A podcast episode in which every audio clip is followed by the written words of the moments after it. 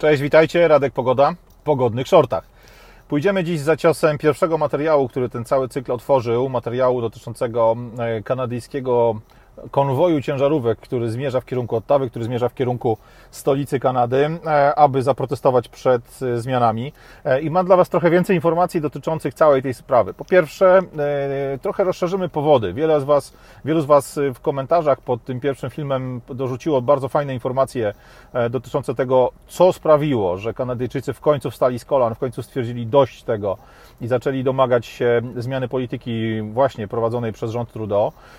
Tym głównym powodem, który sprawił, że no, w oczy właścicieli, tych owner-operatorów, ludzi, którzy pracują e, swoimi ciężarówkami, którzy swoimi ciężarówkami przewożą towary, przewożą produkty do kanadyjskich sklepów, hurtowni i firm dystrybucyjnych, e, było, było wprowadzenie przepisu, który sprawiał, że po każdym przekroczeniu granicy kanadyjsko-amerykańskiej taki kierowca ciężarówki, taki owner-operator trafiał z automatu na 14-dniową kwarantannę. E, mimo tego, że ludzie tam są w większości zaszczepieni, no bo ponad 85% ludności Kanady przeszła przez wszystkie te procedury medyczne, co do których są coraz większe e, kontrowersje, e, to ich jaśnie wielmożne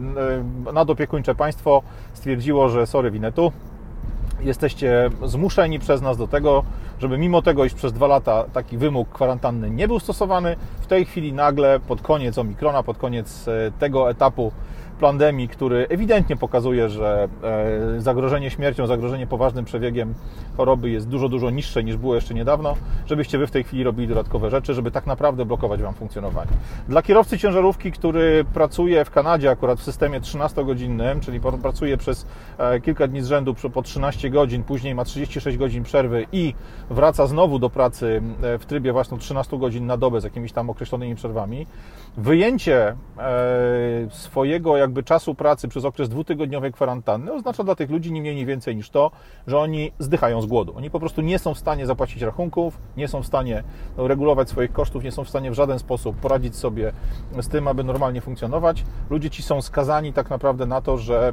w, w takiej sytuacji e, ich biznes stoi na krawędzi załamania, ich biznes się kończy. Nie ma się co więc dziwić, że dodatkowo do tego, że podniosły się koszty paliwa, podniosły się opłaty i parę innych rzeczy się wydarzyło, jeśli chodzi o funkcjonowanie właśnie branży ciężarówkowej w Kanadzie, ten przepis, właśnie ta jedna, ten jeden element sprawił, że był tą słomką, która złamała grzbiet wielbłąda, jak to mówi pewne przysłowie, i sprawiła, że ludzie wyszli na ulicę. To pierwsza informacja. Dlaczego? Następna informacja pokazująca tego, jak ten protest szybko się rozwija. E, na dzień dzisiejszy mamy informację o tym, że już nie 50 parę tysięcy osób, a ponad 50 tysięcy ciężarówek i grubo ponad 150 tysięcy osób jedzie w kierunku Ottawy. E, są to nie tylko pracownicy związani właśnie z e, tym biznesem, prywatnym, małym biznesem ciężarówkowym, ale również rolnicy, ale również rolnicy, którzy pracują w branży logistycznej, którzy zajmują się tym wszystkim, co właśnie z transportem, z wymianą usług między Stanami, e, usług i produktów między Stanami i Kanadą jest najmocniej związane. Jeśli obserwujecie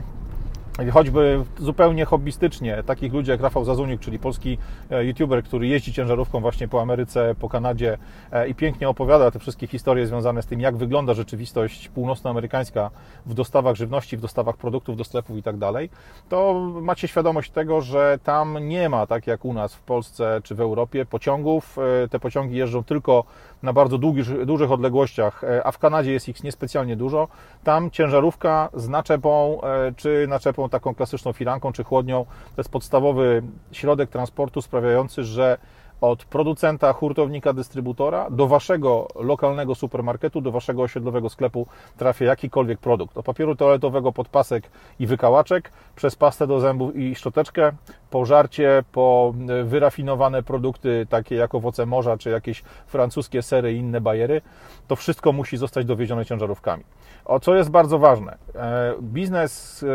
w ramach Ameryki Północnej, z racji tego, że funkcjonuje tam umowa handlowa NAFTA, która reguluje praktycznie bezproblemowy przepływ towarów na całym północnoamerykańskim kontynencie, czyli między Meksykiem, Stanami Zjednoczonymi i Kanadą, ta umowa sprawia, że bardzo często kanadyjskie magazyny, na przykład dużych supermarketów czy dużych sieci handlowych, są zaopatrywane w trybie just on time, czyli e, nie ma tak jak u nas statku z bananami, który przypływa do portu i banany te są później w dużych polskich dojrzewalniach przetrzymywane i powoli wydawane na przykład do sklepów, czy powoli wydawane do miejsc, w których można je dalej w hurcie sprzedawać. Tam, z racji tego, że Meksyk nie jest daleko, to jest zaledwie 4-5 dni jazdy samochodu ciężarowego, bardzo często jest tak, że lokalna hurtownia w dużych miastach, właśnie na północy Stanów Zjednoczonych i w Kanadzie, ma zapas cukru, ryżu, e, owoców, pomidorów i paru innych produktów na dosłownie 3-4 dni. Bo przecież, jeżeli nic złego na świecie się nie dzieje, to wystarczy wysłać ciężarówkę i za dwa, za trzy dni ona dojedzie do Kalifornii, dojedzie na granicę z Meksykiem, do miejscowości e, czy w Arizonie, czy w Teksasie, odbierze tam towar, towar świeżo zebrany z plantacji w Meksyku, które są o kilka stref klimatycznych niżej i po prostu potrafią przez większość roku produkować świeże warzywa, produkować świeże owoce. Ten system funkcjonuje zupełnie inaczej niż u nas w Europie. Dlatego strajk ciężarowców, dla strajk kierowców ciężarówek jest dla Kanady tak strasznie dużym ewentualnym obciążeniem i jest ogromnym problemem dla pana Trudeau, bo jeśli ci ludzie nie zostaną uspokojeni, jeżeli nie zostaną ich oczekiwania zaspokojone albo spacyfikowane, to niestety, sorry winę tu, za chwilę w dużych kanadyjskich miastach zabraknie żarcia. Nie będzie nie tylko owoców i warzyw z Meksyku, nie będzie nie tylko jakichś produktów żywnościowych, które e, są powiedzmy rarytasem, czy są elementem, który tylko uzupełnia naszą dietę, nie będzie po prostu czego kupić do żarcia. E, kolejna sprawa, to jest e, kwestia pieniędzy, które były zbierane przez e, ruch organizujący ten, e, ten protest. Tych pieniędzy w tej chwili nie jest już 4,5 miliona dolarów, tych pieniędzy jest ponad 7 milionów. Dostałem dzisiaj informację o tym, że ponad milion z tej kwoty został już uwolniony, czyli został przekazany faktycznie do dyspozycji tego konwoju protestacyjnego, czy tam e,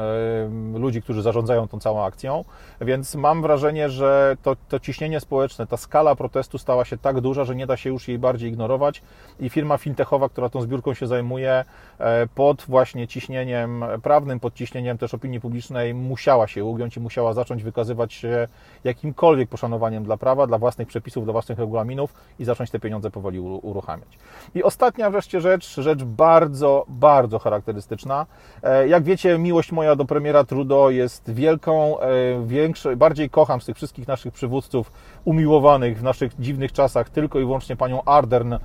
z Nowej Zelandii i paru fachowców, paru absolutnych mistrzów świata z Australii. Natomiast Trudeau jest w ścisłym czubie ludzi, których utopiłbym w łyżce wody jako osoby absolutnie szkodliwe i niszczące kulturę Zachodu. Mister Trudeau, wiedząc o tym, że to już nie przelewki, że to nie jest właśnie jakieś minority, to nie jest free fringe to nie jest mała grupa ludzi, która czegoś od niego chce, tylko jest to faktycznie duży ruch społeczny, nakręcany strachem o to, co będziemy jedli za 3, 4, 5 dni, bo nie będzie żarcia w supermarketach. Mister Trudeau, mimo tego, że cały czas na powierzchni mówi o tym, że jest to ruch właśnie mało istotny, skrajny, marginalny, zwiał ze swojego urzędu. To znaczy, jest prawdopodobnie gdzieś na terytorium Ottawy, jest gdzieś w mieście, natomiast y, mimo tego, że jest potrójnie zaszczepiony, mimo tego, że poszedł, przeszedł test E, covidowy i okazało się, że ten test wyszedł oczywiście negatywnie, no bo przecież ten facet jest okazem zdrowia, to stwierdził on, że w związku z zaleceniami lokalnych kanadyjskich władz medycznych, on mimo tego, że wynik jego testu covidowego jest negatywny, on jednak uda się na dobrowolną, pięciodniową kwarantannę, a właściwie nie tyle na kwarantannę, co na pięcio, uda się w pięciodniowe e, odosobnienie po to, aby nie narażać nikogo na kontakt z nim, mimo tego, że jest bezobjawowy i jeszcze do tego negatywnie